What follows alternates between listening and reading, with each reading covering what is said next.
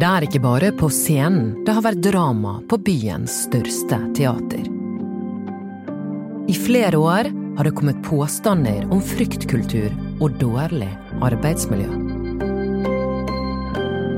Hva er det egentlig som foregår i kulissene?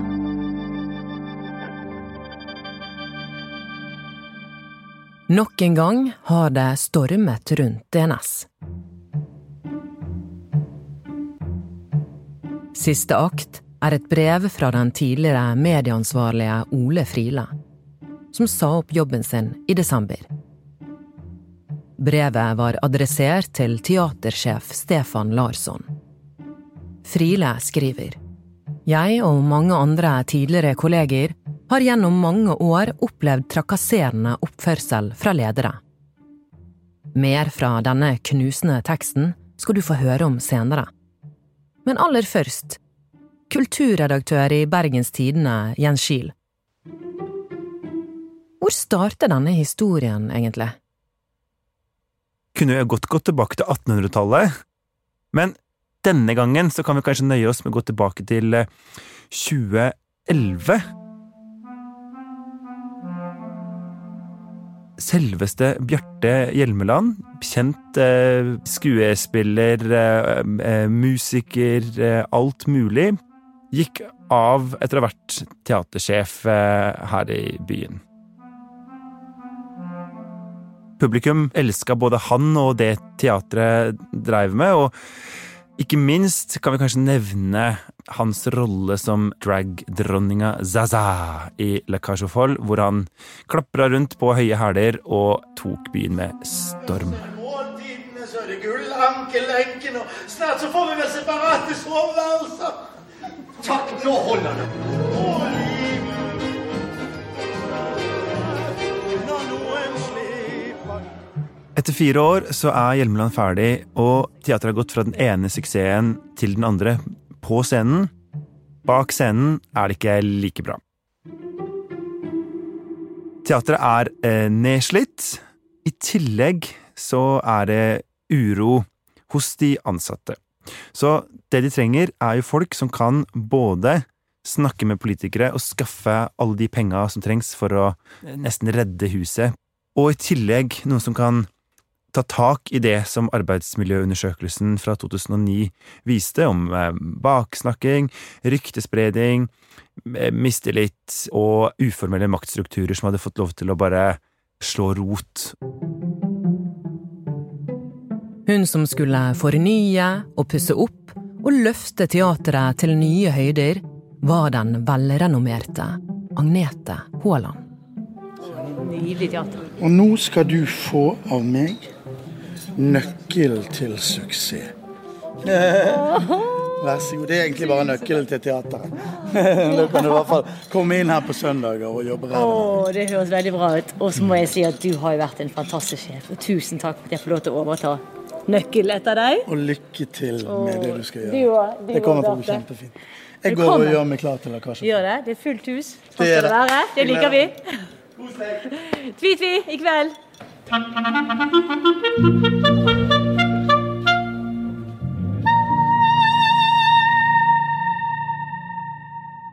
Agnete Haaland var den første kvinnelige sjefen i teaterets over 100 år lange historie. Men lederkabalen var ikke ferdig. Teateret trengte også en teaterdirektør. Bente Hartvedt Ringstad ble ansatt. Under Ringstad sin ledelse skulle ansvar og rollefordelinger fordeles. Men omorganiseringsarbeidet gikk trått. Agnete Haaland, eh, det er ikke noe hvem som helst. Hun hadde tatt skuespillerutdannelse i USA og hadde vært på mange scener her til lands, og i tillegg hadde hun da i årevis vært leder for Skuespillerforbundet, og ikke minst vært fire år som leder for den internasjonale skuespillerføderasjonen altså i verden. Altså hvis Tom Cruise var fagorganisert, så var det Agnete Haaland han hadde som sin verdens fagforeningsboss. Men Haaland hadde jo da knapt blitt varm i stolen før hun fikk en heftig personalsak i fanget.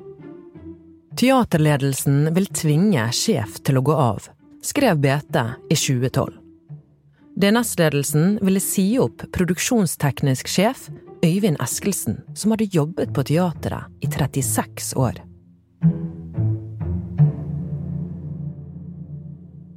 Det som kanskje er veldig viktig å eh, se, da, tenker jeg, er at det som skjer her, er det som har skjedd både før og etterpå, nemlig at i stedet for at man tar tak i en konflikt i tide og finner ut hvem er det her som har sett seg ned og snakket sammen med innestemme, så eskalerer det og blir jo da en oppvask som går i rettssalen, så hele Bergen kan følge den. Politisk redaktør i Bergens Tidende, Eirin Eikefjord, fulgte saken i retten tilbake i 2012. Du hører henne her utenfor Bergen tinghus.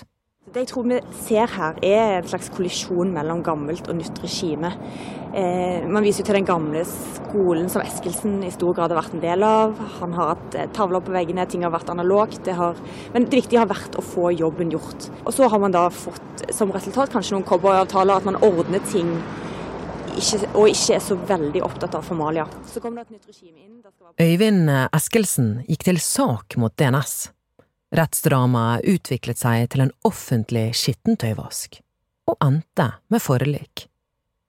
Skuespiller og styrerepresentant Kim Kalsås sa jo da det har vært like flaut som å se sine foreldre bli drita fulle og krangle på Torgallmenningen. Så, etter noen år med opprør og oppgjør, var det duket for at nye krefter skulle ta over storscenen på DNS. Hei! Det er jeg som er den påtroppende teatersjefen fra Sverige. Jeg beklager. I svensk teater hadde Larsson vært en storhet lenge. Jeg er i alle fall ikke fra Oslo. Først som skuespiller og disippel av den verdenskjente regissøren Ingmar Bergman. Svenske stjerner sto i kø for å jobbe med ham, og nå ble han ansatt som ny teatersjef og direktør for DNS. Denne klenod i Skandinavien. Dette tempel som ligger på dette berget i Bergen. Han har hatt alle de store oppdragene, han er bestekompis med Michael Persbrandt. Altså, dette er en av de store gutta. Som teatersjef har Stefan Larsson annet satt opp den populære musikalen Kabaret. Velkommen, bienvenue, welcome. Kanskje ligner den saken litt på da Brann fikk eh, Nordling som eh, ny eh, trener, og hele byen sto på hodet. Ikke sant? Hva slags fyr er det vi endelig har fått til oss? Og det er jo ikke alltid at de folka der passer best for Bergen, for kanskje var det aldri Bergen og bergenserne de elska aller mest. BT spurte Larsson om han kjente til konfliktene til DNS. Han svarte han var lykkelig uinformert. Så slo pandemien inn, og DNS var det første teatret i Norge som permitterte alle skuespillerne 100 og eh, der andre teatre prøvde å finne løsninger for å vise noe, enten digitalt eller på andre måter, så var bare DNS eh, lukka låst og ferdig. Litt etter litt fikk kulturscener og teatre åpne opp, men med restriksjoner. Pandemien nærmet seg endelig slutten.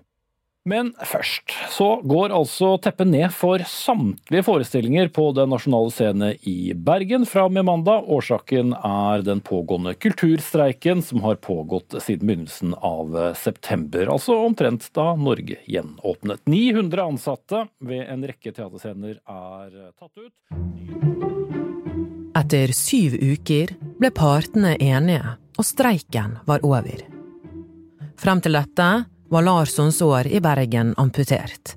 Først pandemi, så streik.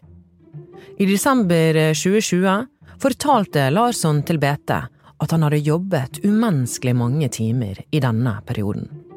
Han annonserte at han ville gå av ved utgangen av 2022. kort tid etter ble planene endret. Larsson skulle likevel sitte ut perioden. I et intervju sa han at DNS er en fantastisk arbeidsplass.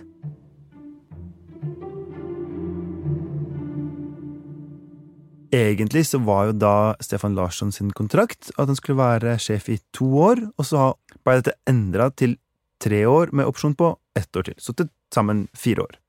Så skjer dette at vår eh, journalist oppdager på Instagram av alle steder at navnet og bildet til DNS-sjef Stefan Larsson er annonsert på en stor oppsetning i Stockholm høsten 2022, eh, med blant annet da han Michael Persbrandt, kompisen hans. Selv om det var en åpning i den kontrakten for at Larsson skulle kunne ta noen sånne eksterne oppdrag gjennom fireårsperioden, så er jo dette et stort spørsmål. Etter to år med pandemi, endelig kan verden begynne å åpne, og så er teatersjefen borte i lange perioder pga. prøver og spilletid. Da BTs journalist, vår journalist, tok kontakt med DNS-styreleder Katrine Trovik, så var hun ikke engang klar over at Larsson var der.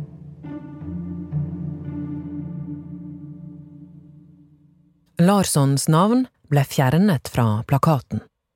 Men både eh, navnet og det hele kom tilbake ganske raskt, fordi styret fant en løsning som var at de bare sa ja til alt sammen. eh, ferdig med det. Og så var det dette brevet. Som tidligere medieansvarlig på DNS, Ole Friele, sendte til teatersjefen desember 2021. Der sto det blant annet Det finnes helt klart en ukultur på DNS, men den sitter, slik jeg og mange med meg opplever det, kun i ledelsen. Altså Selv om brevet ikke kanskje er et formelt eh, varsel på den måten, så oppleves det jo som en slags varslingssak om at det er mye uro og veldig dårlig stemning internt på DNS. Stefan Larsson sa dette til NRK om kritikken fra Ole Friele. Jeg kan ikke kommentere Ole Frieles brev. Eh, eh, bare for at Ole Friele skriver dette, så betyr det ikke at det er sant. Og bare for at det står i avisen, så betyr det ikke at det er sant. Det er en privat åsikt bare om virksomheten på den nasjonale scenen. Samtidig har det kommet en rapport fra de tillitsvalgte til ledelsen. Den har blitt utarbeidet med bakgrunn blant annet i brevet til Ole Friele. Og her veit vi foreløpig ikke alt, eh, men Stefan Larsson har jo da sagt at fryktkultur er kun nevnt én gang i notatet. Hva tror du er problemet her? En veldig viktig ting er dette med at vi ikke har hatt en eh, teatersjef som har vært permanent i Bergen nå på flere år. Så tror jeg at det at vi har hatt eh, styreledere over tid, dessverre, ved DNS, som ikke har evna å ta tak i konflikter og problemer tidlig nok, og når vi nå har en såkalt eh, si, eneledermodell, da, hvor teatersjefen er både øverste kunstneriske og administrative sjef, så får du jo utrolig mange ansvarsroller samla i én fyr. De færreste av oss er eksperter på alt. Eh, da vil det alltid være noe som lider. Bete har vært i kontakt med styreleder Katrine Trovik, som ikke ønsker å la seg intervjue i denne podkasten. Men Stefan Larsson skriver til BT vi kan konstatere at jeg har nok vært like mye på kontoret mitt som de fleste i Norge under pandemien. Da var det restriksjoner og anbefalinger om å bruke hjemmekontor. Det var loven. For øvrig kan jeg si at jeg jobber konstruktivt og i god dialog med hovedtillitsvalgte og Arbeidstilsynet. DNS er et fantastisk teater og en arbeidsplass der jeg har fått venner for resten av livet. Du har hørt en podkast fra Bergenstidene. Denne episoden er laget av Anna Offstad, Henrik Svanevik og meg, Anna Magnus.